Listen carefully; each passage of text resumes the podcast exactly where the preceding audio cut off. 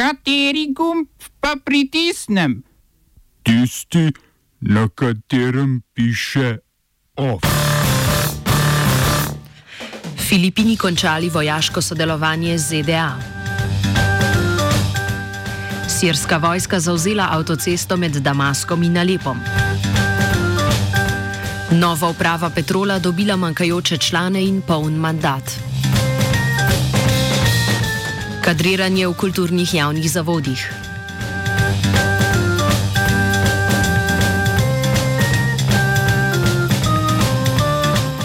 Sirske vladne sile predsednika Bašarja al-Asada so prevzele nadzor nad celotno avtocesto med prestolnico Damask in drugim največjim mestom Alep. Avtocesta pelje čez mesta Hama in Homs, ki sta bili v začetku sirske državljanske vojne središči upora proti predsedniku Asadu. Zauzetje še zadnjega dela avtoceste v bližini Alepa pa pomeni še eno zmago vladnih sil, ki so decembra začele ofenzivo proti preostalim oporiščem upornikov. Ofenziva je pripeljala tudi do vse pogostejših spopadov med vladnimi silami in turško vojsko na območju severozahodne sirske pokrajine Idlib, edine, ki jo še obvladujejo uporniki. V obstreljevanju sirske vojske je bilo včeraj ubitih pet turških vojakov, na kar se je turška vojska odzvala s protinapadom. V skladu s porazumom, ki ga je pomagala doseči Rusija, ima Turčija v Idlibu 12 opazovalnih točk.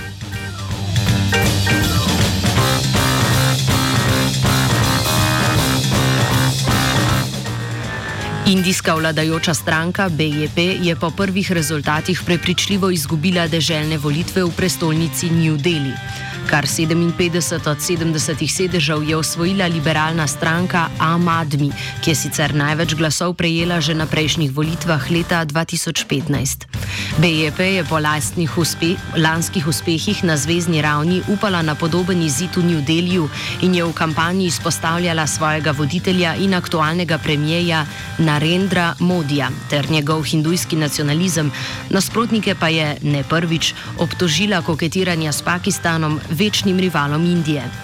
BJP te politike, ki je bila uspešna na zvezdni ravni, ni vedno uspela prenesti tudi na lokalno raven. Politično nedotakljivost modija v Indiji pa so začeli krhati tudi protesti proti novemu zakonu o državljanstvu, ki ga je sprejela vlada.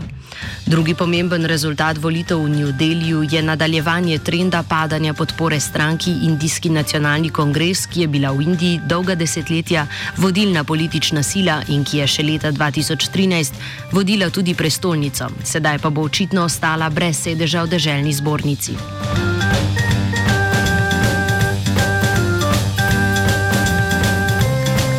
Ostajamo v Aziji.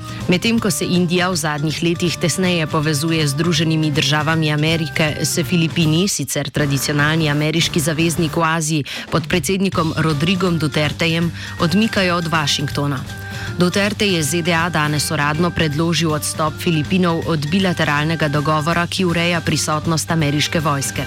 Dogovor o obiskih vojaških sil je bil podpisan leta 1998 in ameriškim vojakom omogoča prihod na Filipine in izvajanje vojaških vaj na njihovem ozemlju brez potnih listov in viz.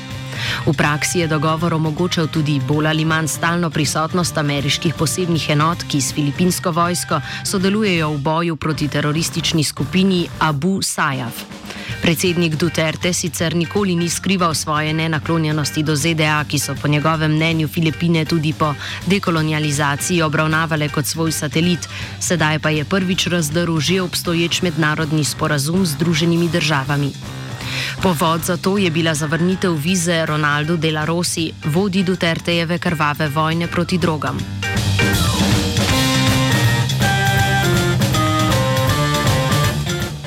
Selimo se k Portoriku, drugi ameriški pridobitvi v špansko-ameriški vojni, ki je kot ameriški teritorij z notranjo samoupravo še vedno trdno usidran v orbiti Washingtona. Otok, ki šteje nekaj čez 3 milijone prebivalcev, je dosegel dogovor o odpisu 22 milijard svojega dolga. Pogovore med Portorikom in upniki vodi odbor za finančni nadzor in upravljanje, ki ga je v ta namen leta 2015 ustanovil ameriški kongres, ko Portoriko ni mogel več poravnati svojega dolga. Pravni položaj Portorika, ki se nahaja v sivem polju med kolonijo in zvezdno državo, namreč vladijo nemogoča razglasitev bankrota in plačilne nesposobnosti. Odbor je pred petimi leti prevzel nadzor nad financami otoka in vlado prisilil v sprejetje obsežnega varčevalnega programa. Prav zaradi pogojevanja dogovora o rezi v pokojninskem sistemu, dogovora še vedno ne podpira guvernerka Portorika Vanda Vasquez. Dogovor predvideva, da se bodo morali lastniki portoriških obveznic odpovedati povprečno 30 odstotkom svojih ter terjatov, preostali dolg pa bo prestrukturiran v daljše odplačevanje. Dogovor morata potrditi še portoriška zakonodajna zbornica in ameriško sodišče.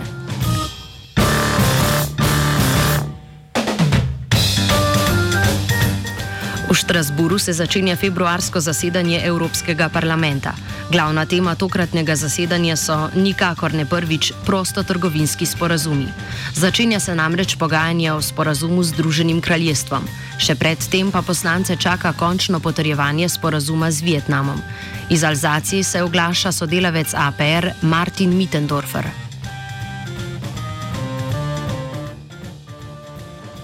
Glavna tema danes je bila uh, trgovinski sporazum z uh, Evropske unije z Vietnamom, v katerem sta se pogajala Vietnam in Evropska unija 8 let.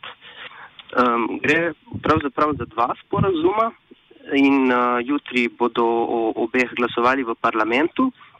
Prvi je pač ta klasičen trgovinski sporazum. Gre za to, da se pač ukine carine, eh, oziroma skoraj da vse carine se odpravi, eh, izvozne, potem pa še naprimer odpira trg eh, javnih naročil. Drugega dela, se pravi strani tega ločenega sporazuma, ki je Investment Protection Agreement.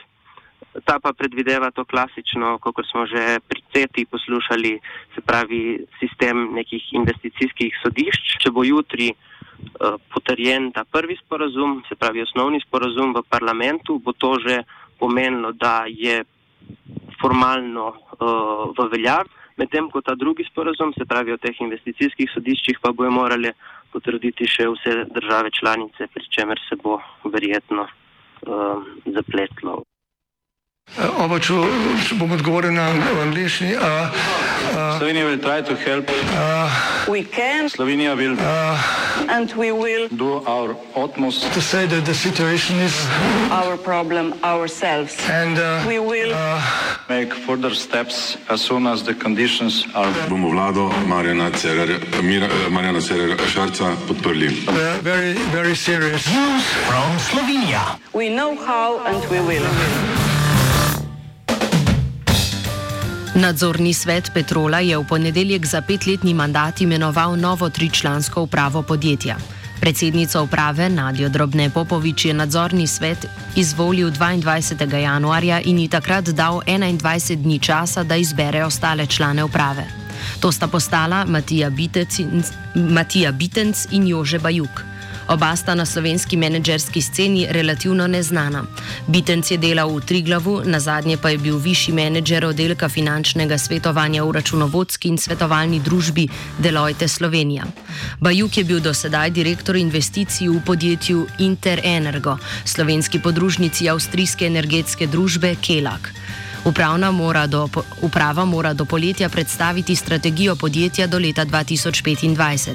Po besedah predsednice uprave Drobne Popovič bo to vključevalo, citiramo, transformacijo petrola in iz naftnega trgovca v energetsko družbo v povezavi s trajnostjo in mobilnostjo.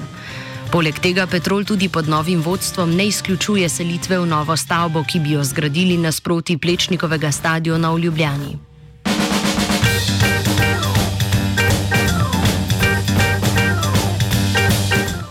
Je pripravil Gal.